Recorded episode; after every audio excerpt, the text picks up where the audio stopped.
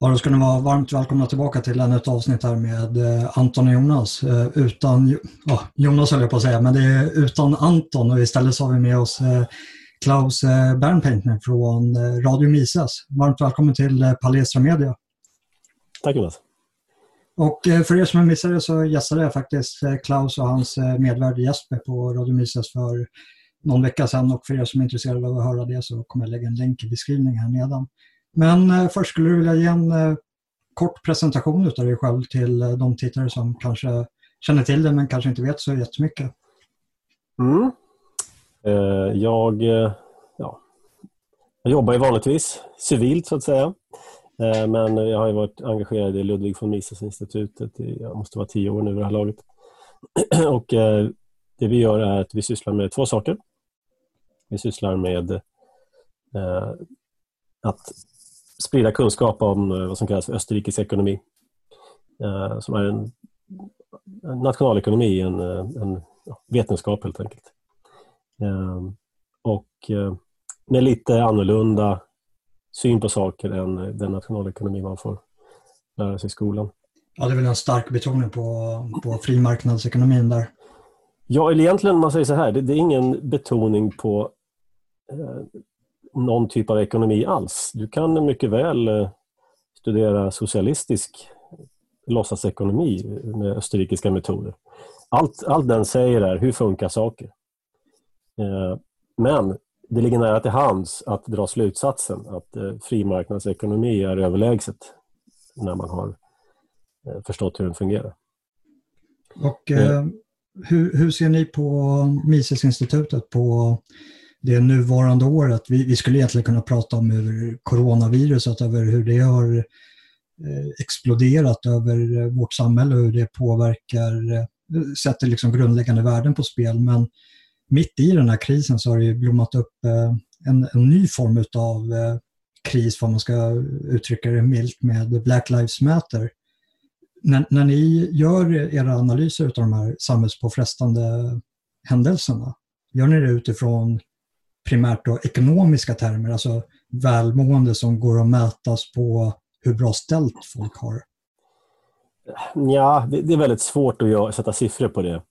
Eh, men, men det leder oss in på det andra benet som vi har då på institutet och det är ju då eh, frihetlig filosofi. Om man säger österrikisk ekonomi eller nationalekonomi är ju värdeneutralt.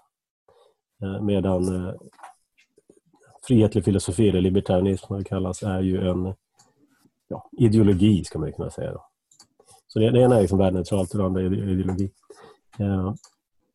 Och vi, vi, tittar kanske... Eh, ja, det är inte så mycket att analysera liksom det här BLM-grejen ekonomiskt. Alltså det, det, är ekonomisk förstörelse och det är... Ja, vissa hävdar ju att ekonomisk förstörelse leder till välstånd. Det, det, skulle inte vi påstå direkt. Då. Eh, men det är kanske mer intressant att titta på det ur en libertarianistisk, libertariansk eh, vinkel, en frihetlig vinkel. Ja, hur, hur vad, är man, vad är det man försöker åstadkomma och på bekostnad av vem? Och hur ser ni på det utifrån ett eh, libertarianskt perspektiv? Eh, alltså vår utgångspunkt är privat egendom. Det, det är en, en grund förutsättning för ett civiliserat samhälle. Eh, och det vi ser här är ju förstörelse av privat egendom i stor skala, till exempel. Eh, man är också ute efter att få privilegier. Nu hävdar man ju att man är diskriminerad, att man gör det här på grund av diskriminering. Men jag har svårt att se det att man är diskriminerad. Det man, det man försöker få det är ju eh, privilegier, ytterligare privilegier. Jag har bott i USA i totalt sju, åtta år. Och jag har fyllt i massor med formulär där man ska fylla i vilken hudfärg man har och så för att man ska kunna få rätt privilegier. Jag har aldrig fyllt i någon ruta som har gett mig några privilegier. Snarare har jag förlorat privilegier när jag var tvungen att kryssa i Caucasian. Ja, för, för, för det de pratar om primärt eh, är ju de här, eh, vad de uppfattar som en strukturell rasism som har en ganska stark eh, historisk bärighet. Och är det någon modern stat idag som åtminstone vilar på en libertariansk eh, idétradition så är det just den amerikanska staten med väldigt starka konstitutionella begränsningar, åtminstone i teorin. Men eh, den amerikanska teorin, staten ja. har ju ett eh, starkt historiskt arv när det kommer till exempel med eh, slaveriet då, som brukar lyftas som en primär orsak som ligger som det fundament som gör att utfallet ser så olika ut mellan svarta och vita i USA idag. Mm. Jo, det brukar ju påstås att det är det som är, orsaken. Eh, det är, inte, det är aldrig lätt att isolera en orsak.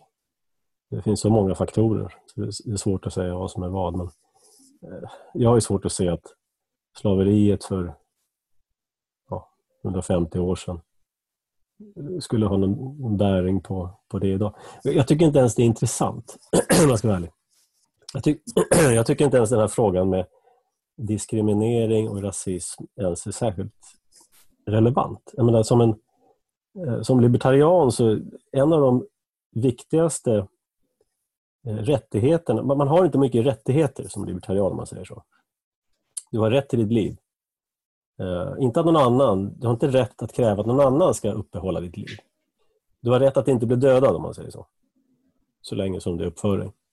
Du har också rätt till din, din hederlighetsförvärvade egendom. Uh, that's it. Men du, man kan säga att du har också rätt att diskriminera. Det är en fundamental rättighet att få diskriminera.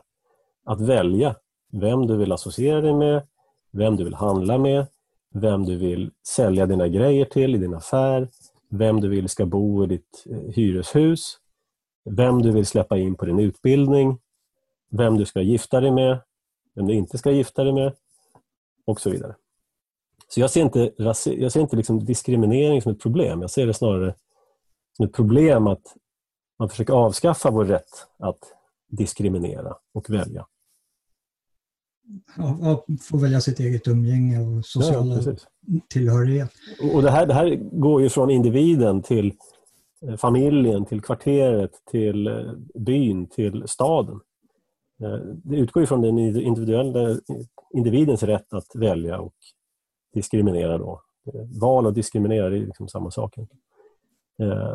Och därifrån, om det är flera människor som tillsammans tycker att de har rätt att välja och väljer samma sak och någon känner sig exkluderad som det heter nu för tiden. Ja, synd. Ja, det, det som är intressant med slaveriet, det, jag, jag delar din åsikt att jag tycker det är ganska relevant, eh, speciellt om man ska se till en kollektiv eh, historisk arvsskuld som eh, vi som vita män i synnerhet ska bära på våra axlar när vi också var det kollektivet som faktiskt avskaffade slaveriet eh, på, ja, åtminstone i hela västerlandet. Slaveriet existerar ju idag bara i, i Afrika och Mellanöstern primärt, kanske Indien också. Mm. Men det blir ju också en märklig amerikanisering av den svenska immigrationen. Vi har ju haft de här Black Lives Matters eh, demonstrationerna i, eh, i Sverige också som nästan spinner vidare på att, de, att vi svenskar skulle ha eh, samma historiska arv som eh, amerikaner har. Jag, jag delar ju liksom uppfattningen att vita amerikaner i, idag inte ska stå till svars över vad som hände på 1800-talet. Men att man använder samma narrativ i, i Sverige och det är invandrare som kom hit på 60 och 70-talet. Om de kom tidigt. Om de kom sent så kom de hit förra året, kanske till och med under det här året. Och eh, pratar om eh, någon form av diskriminering från, från oss svenskar som har någon historisk bärighet. Ja, det är som att vi hade tagit hit dem för att de skulle jobba i malmgruvorna eller i skogen och hugga ved liksom, eller hugga timmer. Nej, de har kommit hit på på välfärd. Ja. Uh, det, det, det, är en intressant poäng. Du, får gärna vidareutveckla det. För det är ju vem är det som utnyttjar vem egentligen? Mm. Alltså, ja, ja nej. Så länge man inte försörjer sig själv så utnyttjar man ju den som, som finansierar. Och det är ju vanliga skattebetalande svenskar. Så att om ja. det är någon som ska ut och demonstrera så är det kanske vi då, vi som jobbar och, och, och eh, försörjer oss och, och dem. Och varför tror du att det inte är så? Alltså att vi ser en stort eh, en stor svart samhörighet att eh, när en människa som är vad, vad de här vänstermänniskorna brukar kalla för rasifierad, att när någon far illa ut, till exempel med eh, George Floyd här i Amerika, så samlas folk, eh, deras folk upp och gör gemensam sak och försöker få någon form av politisk förändring som de själva anser skulle gynna dem.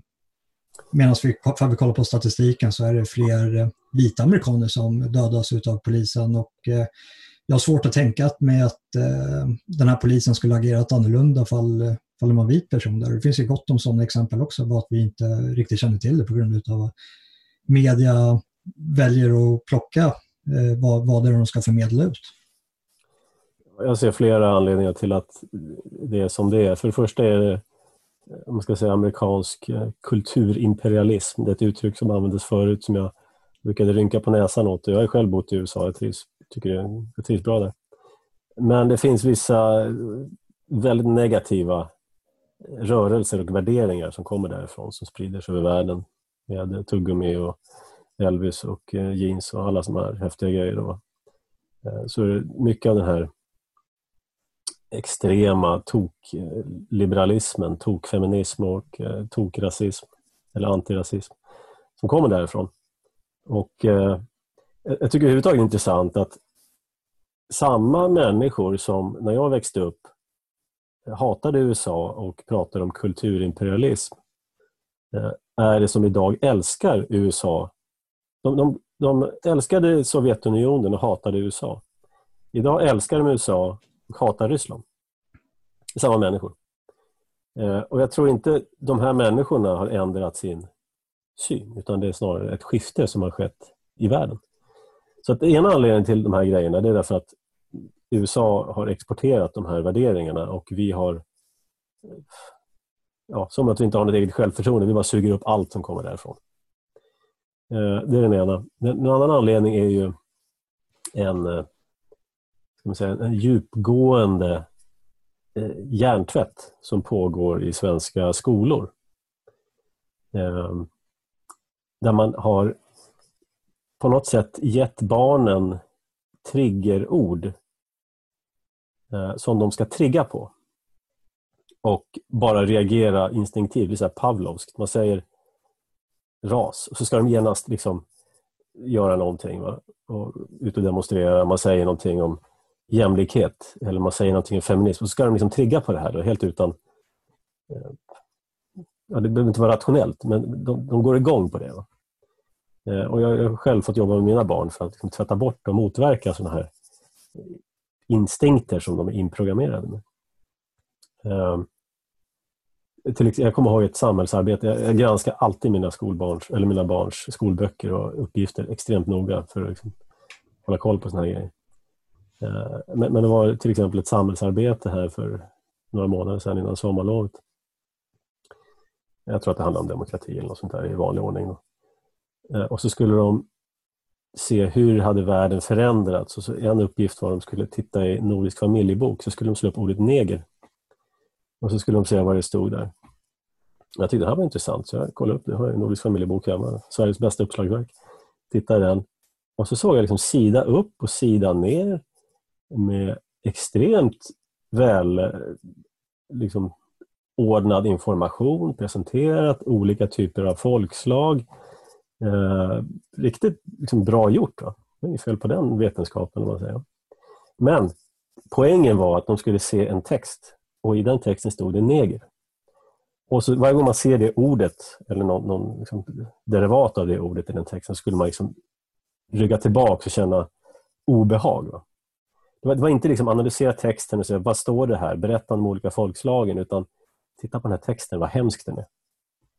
Så att det, det, åtminstone de två grejerna. Så en, en export av märkliga värderingar från USA och en liksom hjärntvätt som, som pågår i svenska skolor helt enkelt.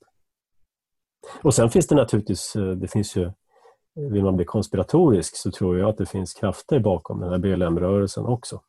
Jag tror inte att den är så spontan. Den är, den är ungefär lika spontan som, eh, som Gretas kampanj om man säger så. Och det är säkert samma figurer bakom det också. Ja, det, det finns ju väldigt starka krafter i, i Amerika som eh, vill bli av med till exempel presidenten Donald Trump och eh, gör, gör allt vad de kan för att eh, underblåsa alla möjliga subversiva krafter för att eh, bli av med honom. Ja, inte bara honom, utan jag känner att det är liksom ett, eh, ett krig mot västerlandet på något sätt. Det är det som, som jag ser det. Ja, nej, nej det, det, kan man hålla med om. Och det är det som är intressant när man pratar om, alltså för man går från diskursen över hur de pratar om de här frågorna till att man faktiskt kollar på statistiken och framförallt för man pratar om systematisk rasism, alltså det som finns i strukturerna, så är det ju mig veterligen det enda landet i, eh, i världen som eh, har det ingrott i egna regelverket i Sydafrika där eh, företag eh, per, per lag då måste anställa svarta framför vita. Och vi ser liknande lagstiftning i, i Europa, många europeiska länder och Amerika, men då handlar det mer om att eh, utifrån deras språkbruk att eh, hjälpa minoriteter att eh, få en jämnare arbetsplats som speglar samhället i sin helhet. Men det är ju inte frågan om i, i Sydafrika där vi redan har en stor stark svart majoritet. Men ändå intensifiera sådana här politiska reformer som vi ser i eh, Europa och Amerika idag som då kallas affirmative action. Och det, det väcker ju frågan, vi, om med nuvarande utveckling så är det långt ifrån säkert att eh, vi svenskar kommer vara en majoritet i vårt eget land i, i närtid eller att vita amerikaner kommer vara en eh, majoritet i Amerika. Vad som kommer hända med de här affirmative action när, när det händer. Kommer det vara som i Sydafrika att de inte försvinner eller försöker hjälpa den nya minoriteten som är de vita utan att de snarare intensifieras. Och man hittar vilken förevändning som helst för att eh, genomföra den här politiken. Mm. Jo, så är det ju. Uh, jag vet inte om jag eh, befinner mig i en så kallad filterbubbla som det heter så, så fint. Men jag tycker mig samtidigt märka en accelererande motkraft till det här som pågår. Eh, vanligt folk börjar liksom tycka att alltså, är, det här, är det här vettigt verkligen det som pågår? Att eh, riva ner Carl von Linné-statyer? Ja, jag menar, är, är, det inte liksom, man börjar, många som börjar fundera här, vad, vad är det som pågår egentligen? Eh, jag, jag tycker mig se fler och fler människor som, som inte gick att prata med om de här frågorna bara för ett år sedan är nu öppna liksom för, ja, för att tänka lite, lite nytt. Så att, eh, det, det, kan hända att det här det går för fort nu för att människor ska kunna bara svälja det här helt enkelt. Det är min förhoppning i alla fall. Ja, ja det, det låter som en positiv eh, eh förhoppning i alla fall. Eh, jag, jag ser väl ungefär mig i den beskrivningen också, att det är lättare att verka som oppositionell från vårt håll i det svenska samhället idag än vad det bara var för tio år sedan, fem år sedan. Men eh, får man kolla på det svenska medieklimatet över hur eh, de framar den här BLM-rörelsen, hur de lägger fram det. Jag har följt SVT nu faktiskt. Jag brukar inte kolla på TV, jag har knappt en TV.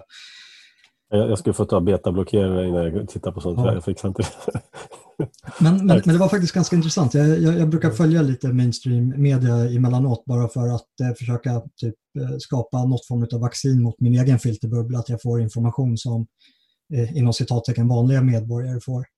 Och det, det, är, det är en ganska så skrämmande eh, syn hur enformigt de faktiskt eh, rapporterar om det här. Mm. Man kan tänka sig, av bara senaste inslaget eh, häromdagen som, som, som rörde de här att kraven på att plocka ner de här statyerna, till exempel Winston Churchill i, i England och Carl von Linné här i Sverige och sen har de tagit ner eh, Jefferson tror jag i, i USA på sina ställen. Eh, då jämförde SVT det med eh, när eh, Bush under 2003 rev ner Saddam Hussein-statyerna i, i Irak. Jag tycker, jag tycker liksom en, en mer rättvis jämförelse i sådana fall skulle det vara med IS-krigen och hur de förstörde kulturarvet av de statyerna som fanns i, i Syrien för, för två, tre år sedan. Mm. Ja, men det, finns, det finns statyer som jag tycker eh, liksom, med, med eh, föremål, personer som jag kanske inte sympatiserar med. Birger Jarl eller Gustav Vasa eller Birger Jarl. Sovjet eh, tog ner Stalin-statyerna och sådana saker.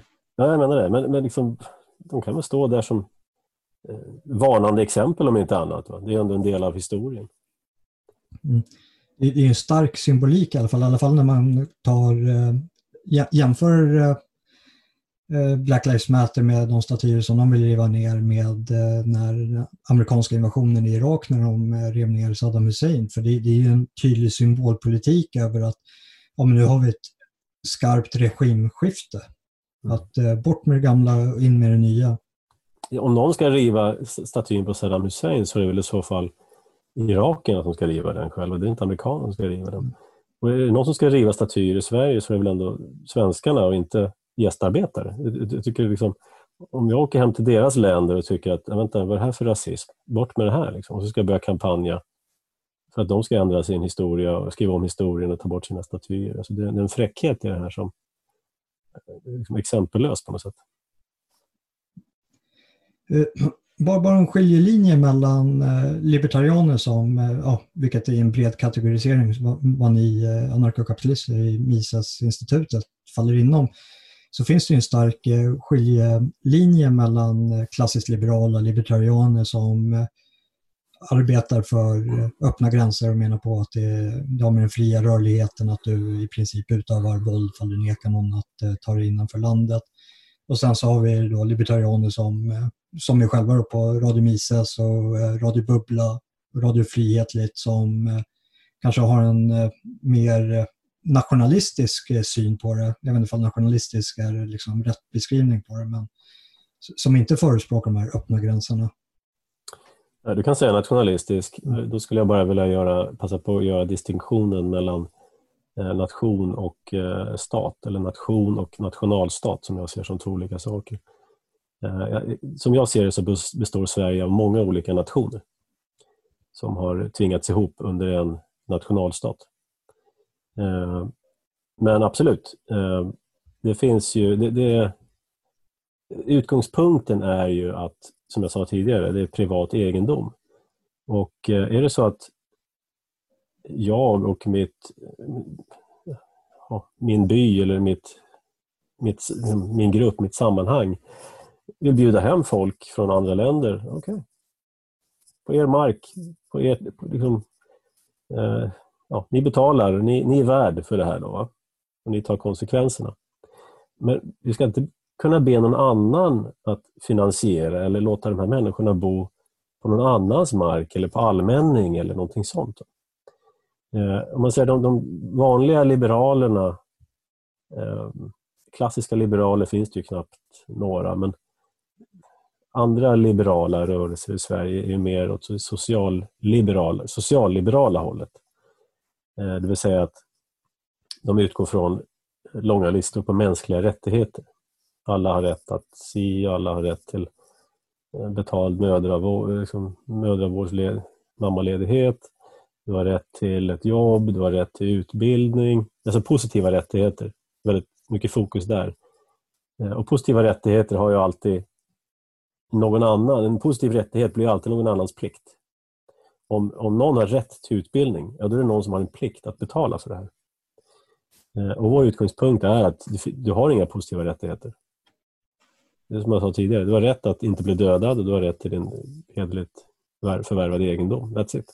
Du, du har rätt till att agera så länge det inte inskränker någon annans eh, frihet att agera.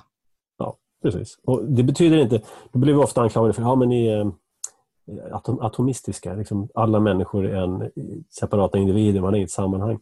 Inte alls.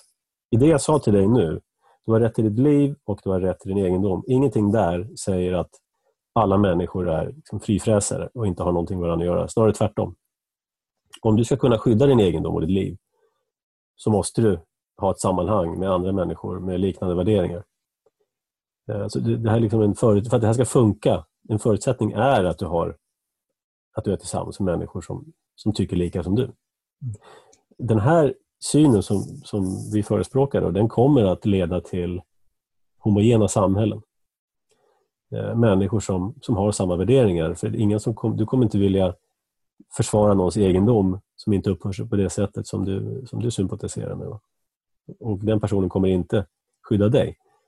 Så att eh, om vänsterfolket vill sätta upp ett Chaz Sweden, Eh, så lycka till. Va? De får ju klara det själva, men eh, de kommer inte få min hjälp att upprätthålla ordning eller eh, egendom eller ens mat. Jag kommer inte ens skicka mat till dem. Jag kommer inte skicka några veganska köttsubstitut till, till dem när de svälter om man säger så.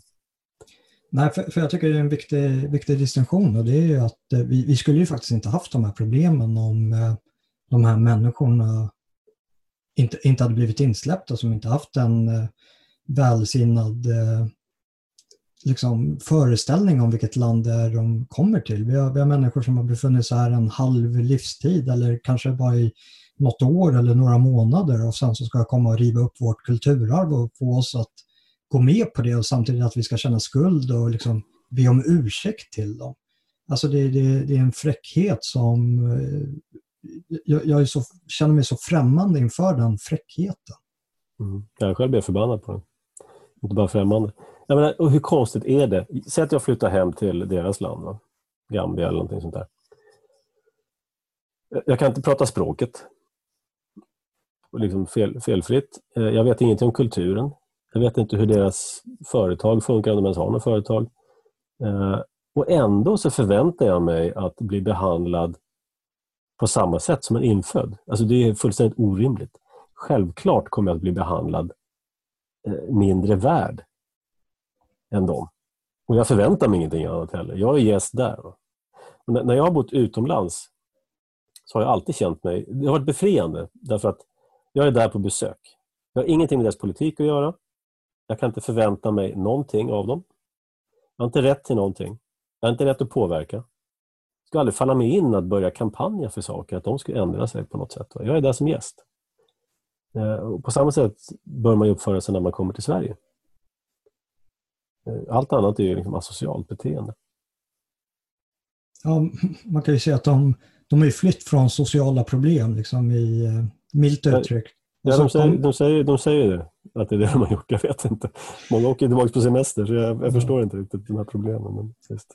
Ja, men ironin kommer ju bli när de kommer hit och inför samma sociala policies, politiska reformer som har föranlett problemen i deras egna hemländer.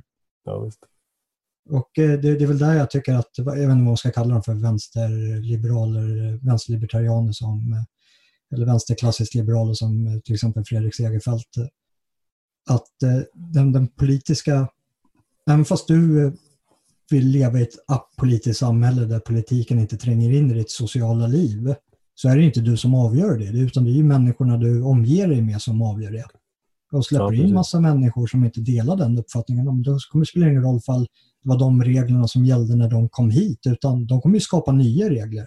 Och är inte du stark nog att stå emot dem, då kommer du få förhålla dig till de reglerna. Och helt plötsligt så lever du inte längre i den libertarianska dröm som du önskade eller som du kanske hade. Nej, jag menar, min, mitt politiska engagemang det är bara en självförsvarshandling. Alltså jag, jag är inte intresserad av att, att tvinga på folk frihet. Jag menar, vill man leva i en välfärdsstat med ja, social misär, så okej. Okay. Men, men liksom lämna mig utanför. Jag vill inte betala det, jag vill inte se det, jag vill inte vara i närheten av det. Och, om, eh, ja. om, om, om, vi fortsätter på temat lite på så individ och kollektiv. Eh, om vi kollar på Amerika där BLM-rörelsen blommade upp då med, Eh, med narrativet av den starka historiska skulden som ligger hos vita, vilket då är föranledningen till varför svarta communityt i Amerika har sådana enorma sociala och ekonomiska och kriminella problem. Så, så är, är det ju tydligt i eh, de är väldigt duktiga på i Amerika att göra olika statistiska undersökningar baserat på, på demografi, alltså rastillhörighet. Och där är det väldigt tydligt att det är vita som eh, önskar en statsminskning. Alltså de, de önskar en återgång till staten vad den var, kanske inte så som den var när den liksom utformades på slutet av 1700-talet, men i alla fall en mindre stat än vad det är idag. Och eh, alla andra invandrade kollektiv, för man, nu ska, kanske, man kanske inte kan kalla det svarta eh, samhället i Amerika för invandrat i och med att de är stor del ut, eh, dittransporterade. Men alla de önskar en stark Eh, statsutvidgning. Alltså de önskar en stat som eh, de kan känna sig att de blir tillfördelade på att eh, med hjälp av staten som verktyg kunna förbättra sitt egna utfall på en kollektiv nivå istället för att fokusera på den individuella nivån som de vita verkar göra. Att man vill lämna staten därhän och eh, man vill vara sin egen lyckas smed. Man säger så här, det finns en eh, amerikansk ekonom som heter Thomas Sowell. Eh, han är väldigt bra faktiskt. Och eh, han, han säger att eh, det som förstörde den svarta familjen är inte slaveriet. Det som förstör den svarta familjen det är välfärden, välfärdsstaten. Jag vet inte när det här var, jag kan inte exakt historien, men någon gång, om det var på 60-talet eller efter medborgarrättsrörelsen eller vad det var för någonting, när man började bedriva krig mot fattigdom. Eh, och så var det också, man drev ju, speciellt hade man då de, de, de färgade i åtanke. Då började man då portionera ut pengar då till de här eh, på vanligt socialdemokratiskt manér.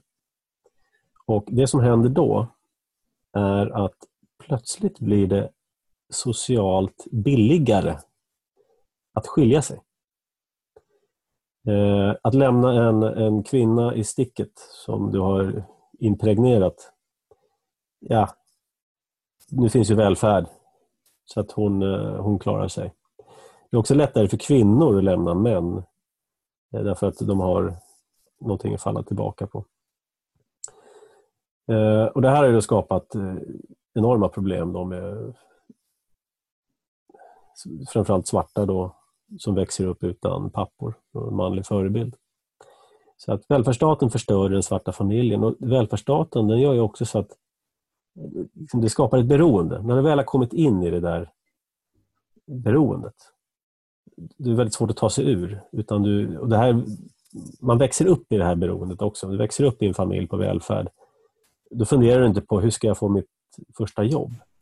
Okej, okay, var, har vi bidragen någonstans? Det är det som är, blir fokus. Eh, och Det är också naturligt att man väl är inne i det här, då, då röstar man ju för mer av samma vara. Så att eh, många svarta då som är inne i det här välfärdsträsket och de kommer naturligtvis använda sin rösträtt för att rösta för ännu mer av det här. Ja, det, det, finns ju en eh, statsvetenskaplig grundprincip och det är ju att eh, allt du reglerar får du mindre utav och allt du subventionerar får du mer utav. Och eh, i det här fallet så subventionerar de ju deras egen fattigdom. Mm. För, för det finns ju den starkaste faktorn av att eh, ta sig ifrån dåliga förhållanden, det är ju att faktiskt att ha två ekonomier i samma hushåll, att vara en stark eh, familjeenhet som möter världen och omgivningen tillsammans och bär kostnaderna tillsammans. Det finns ju inget starkare recept från att ta sig ifrån liksom, dåliga förhållanden. Jag skulle påstå att ett ännu starkare recept är att du kan ha en familjeförsörjare och en som är hemma med familjen. Men, eh, eller överhuvudtaget, i alla fall att familjen kan försörja sig själv. Sen hur du delar reda upp det där, det, det kan man ju diskutera. Ja, det, det, går väl lite hand i hand också. Skattesystemet är ju utformat till stor del för att eh, köpa de här rösterna. Alltså att eh, välfärden finansieras ju via, via de själva som är eh, arbetsföra. Mm. Vilket gör att skattenivån blir, blir högre. Ja, visst. Så är det. Ja, det blir ett, själv, blir ett självspelande piano det här. Mm. Det är svårt att reversera eh, en sån välfärdsutbyggnad.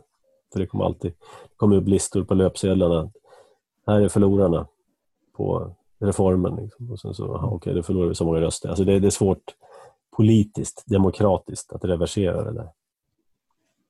Ja, för att fortsätta på samma, samma linje där, för, för vi då ser att eh, den eh, enda demografi i eh, Amerika då, som röstar för en statsminskning, alltså vad man kan säga kanske är liksom grogrunden för den libertarianska tanken Det ligger då hos de vita amerikaner och man kan väl, det är väl inte för långsökt att föreställa sig att det ser likadant ut i i Europa också att eh, det är det överhängande eh, vita människor som har en stark libertariansk ådra och eh, vill se en sån liten stat som möjligt. Och det tycker man väl att man kan se med bara vår politiska historia över hur den skiljer sig från andra länder som har varit mer diktatoriska och eh, haft mer allomfattande politiska system, även fast den svenska socialdemokratin skär in i in i familjesjälen, liksom in i minsta detalj.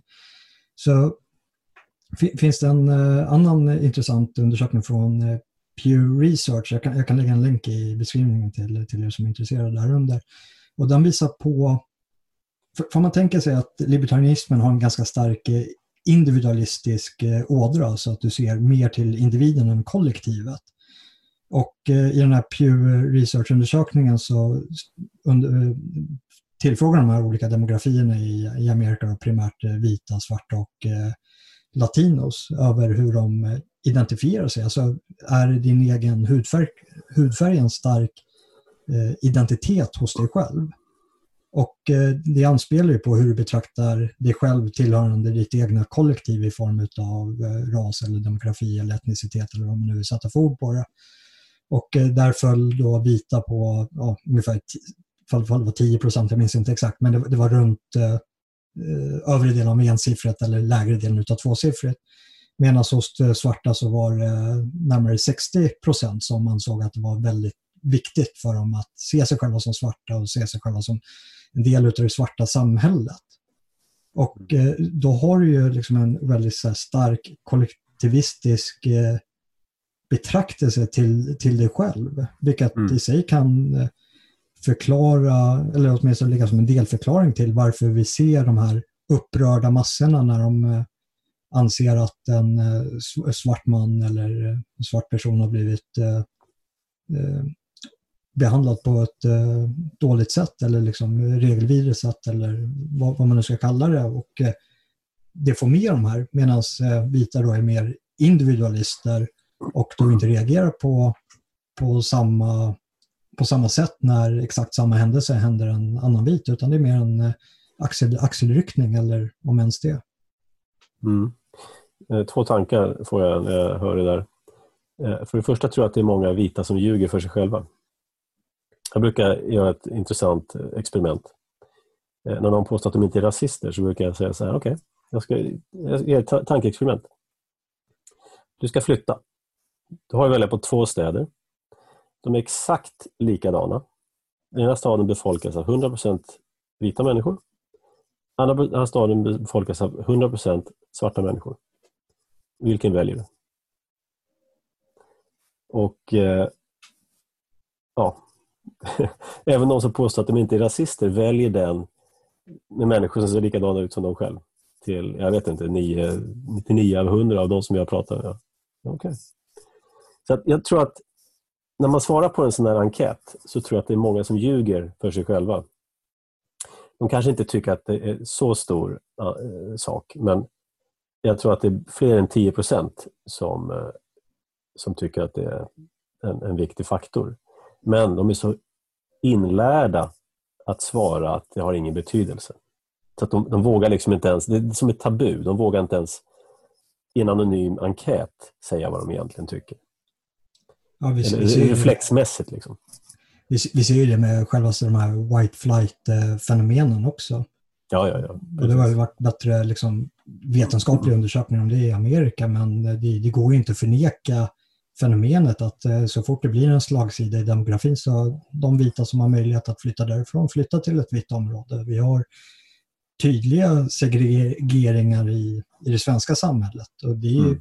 beror ju på att eh, medborgarna fortfarande har haft den friheten och de har haft den ekonomiska möjligheten att göra de valen och kvar har blivit eh, fattiga fattiga svenskar som sen går och röstar på Sverigedemokraterna och sen blir shameade av eh, den rika eliten för att mm. vara eh, fördomsfulla och eh, obildade. Ja, sånt enormt hyckleri. Personligen tycker jag att segregering är bra. Men det är för att jag är libertarian. Ja. jag vill inte ha integration om man säger så. Jag vet inte att det någonsin har fungerat.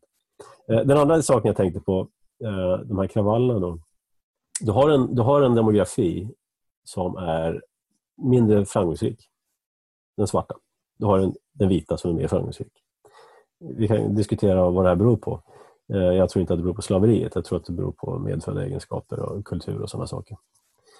Eh, men de här har nu då ett... De, de ser att de har det sämre ställt och känner ett eh, vad heter det, resentiment, det finns något bättre svenskt ord, en avund helt enkelt. Eh, mot de som är mer framgångsrika, det är ganska naturligt.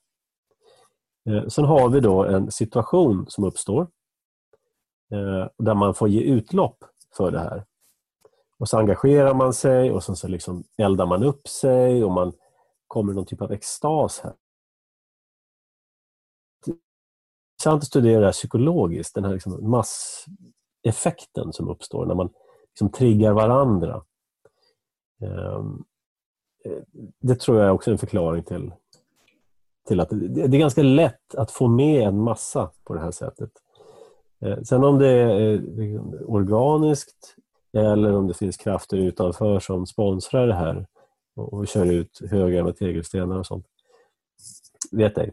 Men eh, det är liksom en sån masspsykoseffekt i det här också. Där man får ge utlopp för, för en avundsjuka som man har.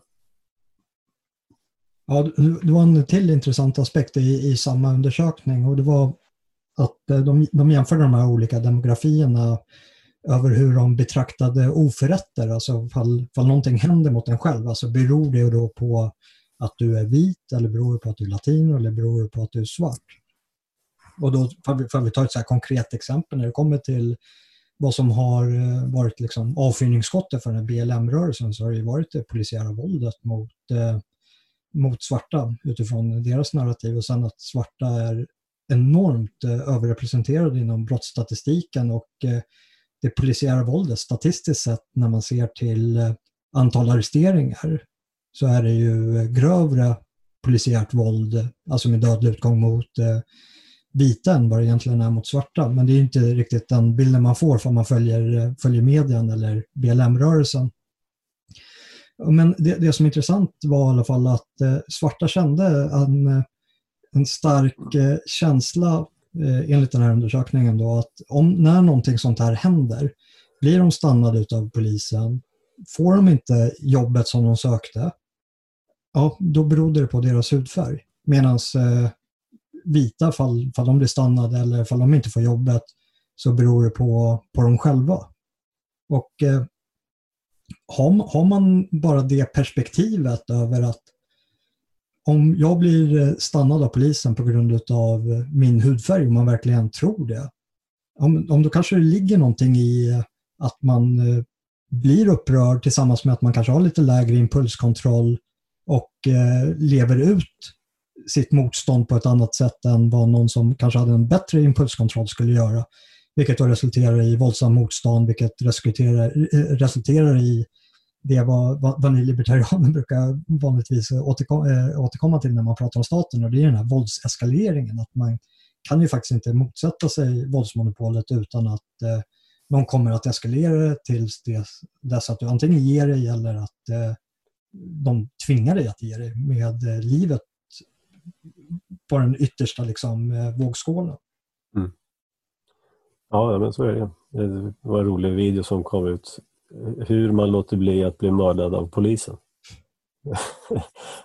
till och med tar man det lugnt. Liksom. Mm. Det var tio tips. Ett annat tips var om du ska ha en kompis med ha en, ha en vit kille med dig. Det var också lite mer humoristiskt. Jag har ju också råkat ut för amerikansk polis. Jag tycker den är extremt obehaglig mm. Eh, och militariserad. Så att eh, rent generellt tycker jag man ska göra någonting åt amerikansk polis. Eh, de har ju fått massor med utrustning från gamla krig. De har liksom stridsvagnar och pansarbil, pansarvagnar. Alltså det, är helt absurt vilken utrustning de har. Inte bara polisen. Liksom. Olika departement, jordbruksdepartement, utbildningsdepartement har liksom vapenarsenaler. Varför då? Liksom? Så det, det, är helt sjukt. Hela amerikanska samhället är totalt genommilitariserat. Gå på en idrotts, eh, idrottsmatch. Ja, då är det först en militärparad med flaggor och liksom nationalsång och grejer. Eh, alltså jag tycker det är extremt obehagligt. Um, och jag har själv åkat ut för amerikansk polis vid olika trafikförseelser och um, ja, man tar det lugnt helt enkelt. Det är ingen idé att käfta utan bara lägg det platt liksom och ta det lugnt. Det är en viktig poäng du är inne på och eh, det, det härleder lite till den här statistiken från FBI som visar på att eh, slår man antalet dödsfall på våldsamma arresteringar så är det fler vita per 10 000 arresteringar som faktiskt avlider än svarta.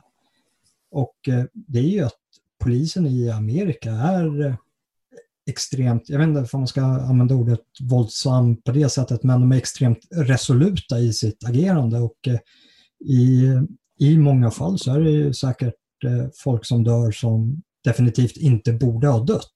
Och det, det finns liksom goda exempel på, på det och där, där bör ju polisen straffas eh, hårt när, när det väl händer.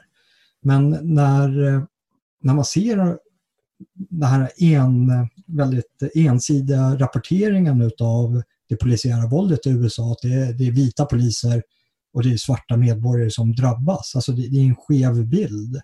Polisen är, får man uttar utgångspunkten att polisen använder övervåld ofta, ja, men de använder övervåld ofta mot alla. Liksom. Det, de, de, jag, jag, tror verkligen inte att de ser ras i sitt ämbetsutövning på, på det sättet.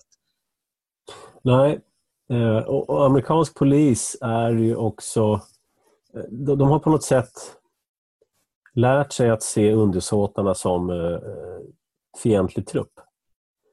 Eh, jag tror också att det är ett arv från liksom ett inflytande från den allmänna militariseringen.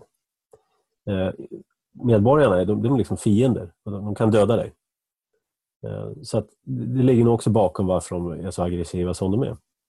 Och det här är också resultatet av en, en trasig kultur. Alltså amerikansk kultur är trasig. Ehm, och Det är därför det får sådana våldsamheter. Och liksom, mångkulturen och det mångetniska samhället det leder till en, en, en trasig kultur. Det är väldigt svårt att få en, en lugn, fredlig, högtillitssamhälle där du blandar alla möjliga människor. Alltså det är nästan omöjligt. Samma med Sverige var ett väldigt högtillitssamhälle när det var homogent. Ehm, och Det kan också ha bidragit till att, att polisen har blivit vad den har blivit, för det är ändå en ganska farlig miljö idag som amerikanska polisen måste röra sig i. Eh, så att, och, Sen så är det ju inte heller... Nu börjar ju Sverige bli så också att man, man tar in liksom vad skräp som helst på polisen. Vad är det, det går en, ett par månaders utbildning och sen så är det polis. Liksom. Och I Sverige sänker man ju också kraven hela tiden för att få in eh, flickor och eh, invandrare. Då. Ja, det, det, Kvaliteten blir ju därefter. Och så det, har de dåligt självförtroende, så har de ett skjutvapen. Och så, så, ja. Jag tror att det är en konsekvens av de här faktorerna också. Alltså bara, bara den själva, själva diskursen och retoriken kring det, det skrämmer ju bort eh, goda vita män från polisyrket. Och den uttalade rekryteringsstrategin är ju att eh, man ska satsa på att rekrytera minoriteter och kvinnor.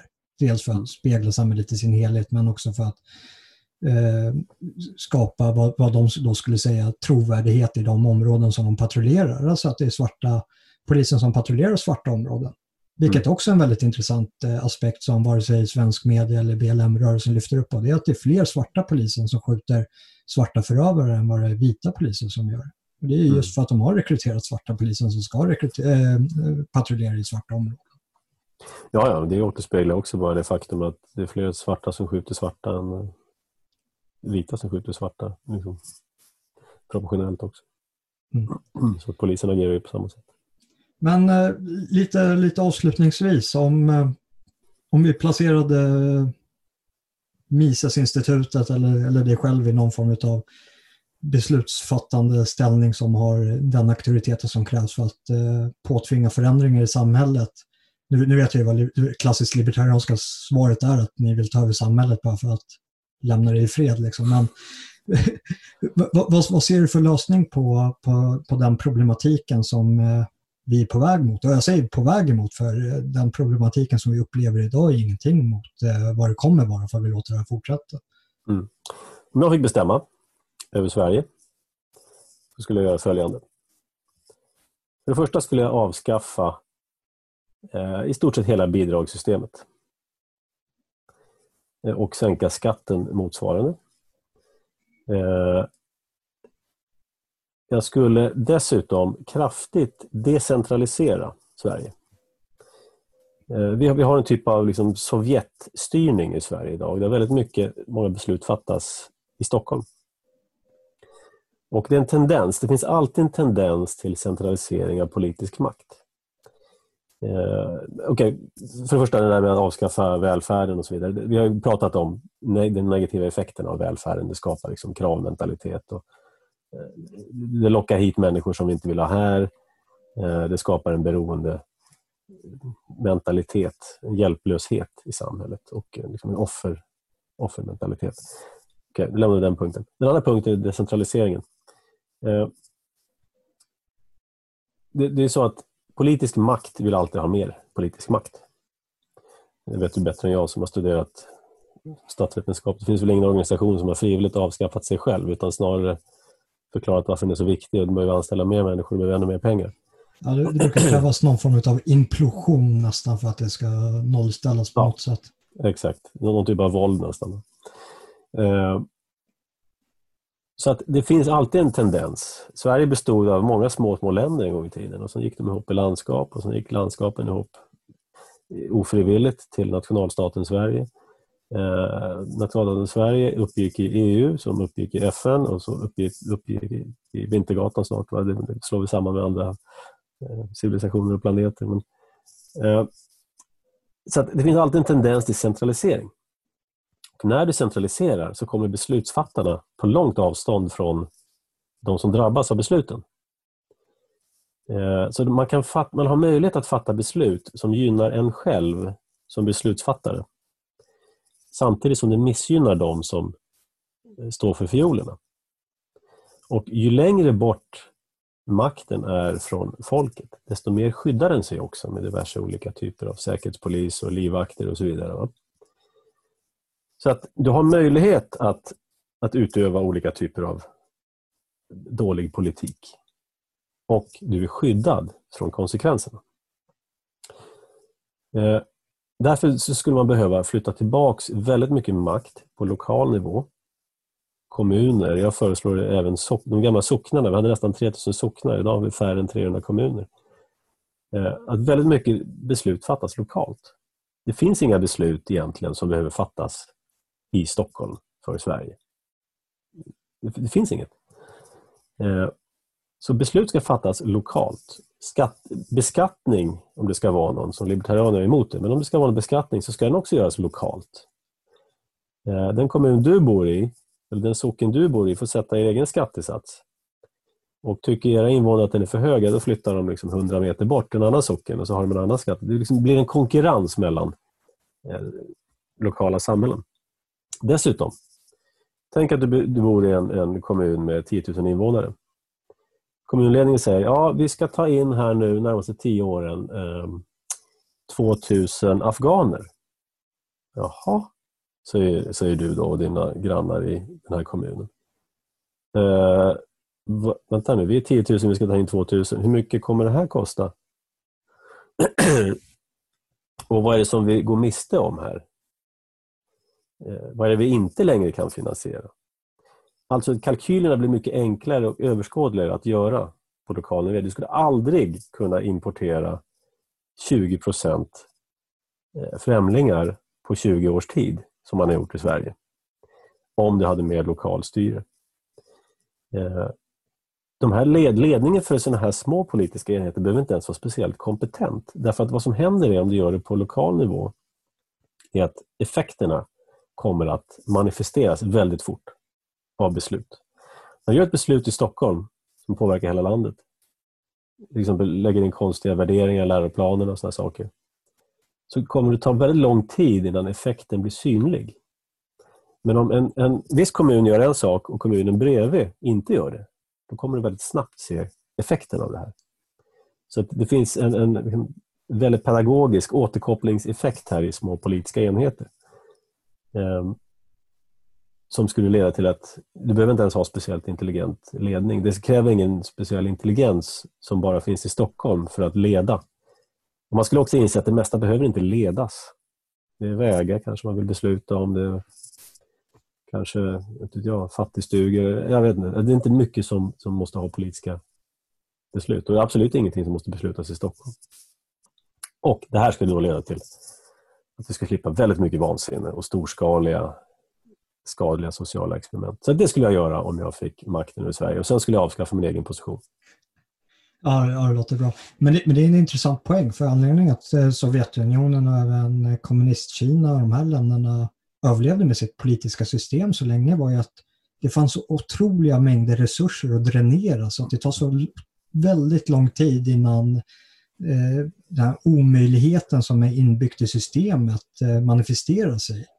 Medan om kommunismen sker på lokal nivå så sker, sker det väldigt snabbt. Och det ser vi i den här anarkistiska Jazz. zonen i Seattle, att de är redan havererat. Ja, Exakt, så, så små politiska enheter. Ja. Det spelar ingen roll, du ser direkt att det här, det här funkar liksom inte. Nej, det, det Men, ta, ta hela Sverige. Sverige har helt, också en helt annan upplåningskapacitet än en stor stat. Den mm. kan låna pengar på ett helt annat sätt än vad en liten kommun kan göra till exempel. Och kan då strössla pengar över massa konstiga, skadliga sociala experiment under årtionden innan man ser att det börjar, oj, det här kanske inte vi har råd det, det, fin, det, finns ju ett uh, psykologiskt fenomen som man brukar prata om. Uh, nu får tittarna ursäkta mig att jag använder engelska termer, men det, det brukar talas om så här, engagement of commitment. Alltså har du börjat på en inslagen linje så fortsätter du gärna på den. Och ser du att eh, ditt eh, tilltänkta resultat uteblir, om du, du försöker skjuta mer resurser på det, vad, vad den resursen är. Det kan vara en hammare, alltså våld, eh, politiskt våld, att eh, du påtvingar det mer, hårdare, försöker rätta till det mer, vilket kanske är mer i linje med kommunismen eller ifall vi tar våra socialliberala demokratier så kanske det inte handlar om den hårda politiska genomförandet utan mer utav vad, vad du är inne på nu, lån. Att eh, om, det, det här funkade ju inte. Okej, men vad gör vi då? Om vi öser in mer pengar på det. Om vi kan inte beskatta mer för då kanske vi får eh, starkare liksom, opinion mot oss. Ja, men då lånar vi så vi döljer den kostnaden och lägger den på mm på framtida generationer istället. Så den framtida generationen får en dubbel kostnad. Dels ska de betala tillbaka det här lånet och sen måste de hantera konsekvenserna av den här politiskt ödesdigra reformen som eh, har havererat men som döljs på grund av eh, deras egen politik av att de fördröjer det genom eh, lånesättningen. Precis, och här är också en väsentlig skillnad mellan privat och offentlig sektor. Eh, privat sektor, om du har en, en, en del av verksamheten som går bra, där skjuter du till resurser för att få mer utväxling. Och en verksamhet som går dåligt, såga, lägg ner. Offentlig verksamhet, någonting som går dåligt, ja, vi behöver mer resurser. Någonting som går bra, som lite här friskoleförsök, ja, ni får mindre pengar. Jaha, okej. Okay. Alltså det, det är totalt bakvänd logik. Och ju större offentlig sektor du har i förhållande till privat sektor, desto mer av det ekonomiska vansinnet kommer att pågå. Eh, en stor privat sektor i jämförelse med en, stor, en liten offentlig sektor. Eh, ja, då blir inte skadan så stor. Men Sverige har en extremt stor andel av sin ekonomi, eller sin, jag ska inte säga att det är ekonomi, offentlig sektor är inte ekonomi, det är verksamhet. Um, och där sånt här pågår. Då. Så att det är väldigt dränerande på välståndet i Sverige. Mm. Eh, så, jag tänkte två, två sista kommentarer på ditt, eh, ditt slutord där också på det här. Och det, det ena är när man pratar om eh, skatten, alltså du vill ju dra ner skatten på socken, sockennivå. Och det är också den här betraktelsen till skatten, att en gång i tiden så fanns det en betraktelse till att okej, okay, vi behöver de här allmänna medlen för att kunna genomföra det här allmänna projektet. Och det har ju helt övergivits till att vi har skattereformer som handlar mer om att ja, men vi, vi vill inte ha folk som är för rika. Mm. Alltså det är så man motiverar skatteuttagen. Att, eh, vi vill inte att folk ska kunna åka runt eller eh, köpa de här sakerna. Ni har för mycket pengar helt enkelt och det är orättvist. Därför mm. ska vi beskatta er. Inte att eh, vi behöver bygga den här akvedukten eller liksom den här infrastrukturen. Alltså, pengarna behövs inte till någonting utan pengarna ska tas ifrån medborgarna för att, eh, utav rättviseskäl. Mm. Ja, men det, sen, det, den här ständiga uppfostran. Va? Ni köper för mycket fruktpåsar, nu ska de kosta 38 öre styck. Liksom. Okay. Ja.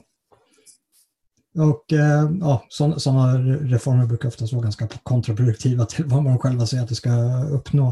Eh, nu, nu, nu talar jag från, bara från huvudet, men om man köpte de här mer permanenta påsarna så visade det sig att den hade en större miljö eller klimatförändringspåverkan eh, än vad det var typ 10 000 av de här singelplastpåsarna hade. Så det betyder att du måste liksom hålla koll på din permanenta påse under 10 000 köp för att den ska synka ut med, eh, med den här klimatpåverkan som de motiverade det här beslutet med.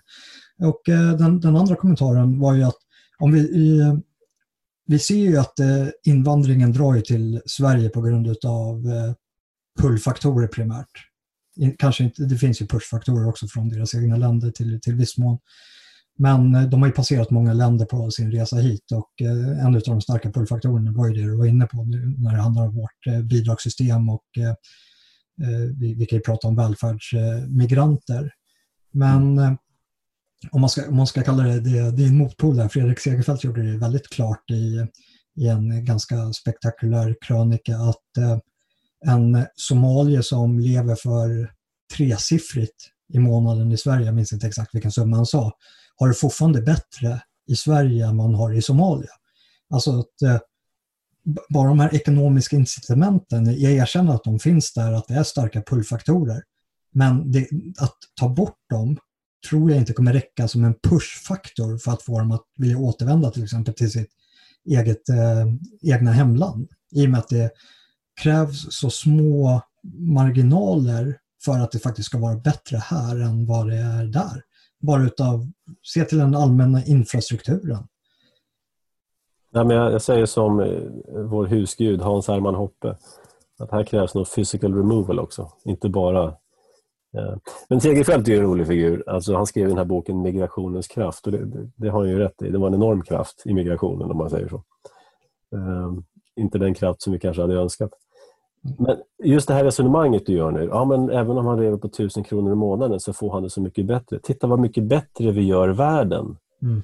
Om du får offra 1000 kronor och så ger det med våld till den här somalien. Titta, det är inte så mycket för dig, men för honom är det, det är mer plus än minus i det här. Alltså har vi skapat, alltså har vi gjort en god gärning. Det här är också väldigt tröttsam, tröttsamt synsätt. De här herrarna är då ekonomister. Eh, det är ekonomi, det är tillväxt. Jag är väldigt intresserad av nationalekonomi därför att jag vill veta hur världen fungerar med incitament och eh, hur politiker kan liksom förvränga och pervertera samhället med ekonomiska eh, ingrepp. Men för mig är det inte det primära, okej, okay, ska vi göra det här därför att det ökar statens, det är effektivare för staten att sänka skatten lite här och ändra skatten där, då får den in mer skatt. Det är totalt ointressant för mig. Och jag är heller inte intresserad av, liksom, okej okay, vi flyttar hit någon, han får det bättre, vi har gjort det. Nej, alltså, kalkylen är större än så och innefattar sociala eh, faktorer. Ja, okej, okay, han kanske får det bättre, men jag och mina döttrar kanske får det sämre. Och vad är det värt i den kalkylen? Det kan, det kan ju bara jag själv avgöra. Det är ingenting som man från oben kan säga, titta, vi har gjort det bättre i världen. Eh, det är därför vi liksom vill ha ett lite mer lokalt perspektiv. Vad tycker mm. folk själva? Låt folk bestämma själva. Ja, för, för att lägga en sak i önskelistan så är det ju en, eh, en debatt eller samtal mellan eh, någon representant från Misesinstitutet och någon från den här Timbro och libertarianismen utav Fredrik Segerfeldt eller Johan Norberg eller någon liknande. Ja, det skulle vara roligt. Överhuvudtaget så borde vi ha mer debatter eh, utanför de här otroligt meningslösa partiledardebatterna. Jag skulle aldrig...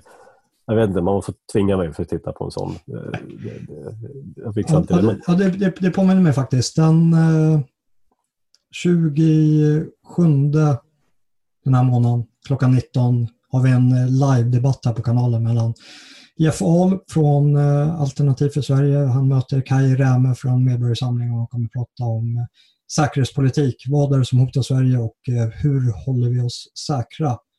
Missa inte det. Och jag vill rikta ett stort tack till, till dig Klaus som kommer och gästade oss här på Palestra Media och för er som vill ta del av Mises, vart ska de vända sig?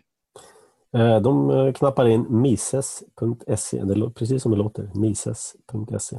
Det är också en eh, som du nämnde, en podd vi kör, Radio Mises. Där vi pratar om de här frågorna i detalj och djup och också lite aktuella frågor. Vi har inte så mycket längre liksom aktuella ämnen. Vi försöker hålla oss med liksom, tidlösa ämnen och sådär. Men, Eh, vi har ett eh, vi kollade just lite på statistik faktiskt. Ett av våra mer populära eh, avsnitt handlade om hur Sverige är likt Sovjetunionen. Jag vet inte om du har sett den själv. Det var också en artikel som vi, eller vi publicerade ett kapitel ur Gulagarkipelagen som också ligger då på, på mises.se. Den heter De socialt närstående. Och där pratar vi, eller Solzhenitsyn då beskriver hur staten använde kriminella eh, för att terrorisera hederliga medborgare. Oj. Eh, det, det känns igen. Ja, exakt. Om du läser den där så kommer du känna igen oerhört mycket. Eh, så läs gärna den artikeln som är alltså ett kapitel från Gulagarkipelagen och lyssna gärna på det, det poddavsnittet. Jag tror att det är vårt mest populära på sistone. Du kommer känna oerhört mycket, igen oerhört mycket av hur svenska staten behandlar hederligt folk i Sverige jämfört med de kriminella. Precis på samma sätt som Sovjetunionen gjorde. De socialt närstående, de var ju social, staten närstående för de hade gemensamma intressen och terroriserade den produktiva delen av befolkningen. All right. Det rekommenderar vi starkt här från Palestra Media att gå in på misas.se och ta del av deras tankegods. Tack så mycket för att du kom och gästade oss här och eh, för er tittare så syns vi till nästa gång och då är Anton med också. Tack så mycket. Tack.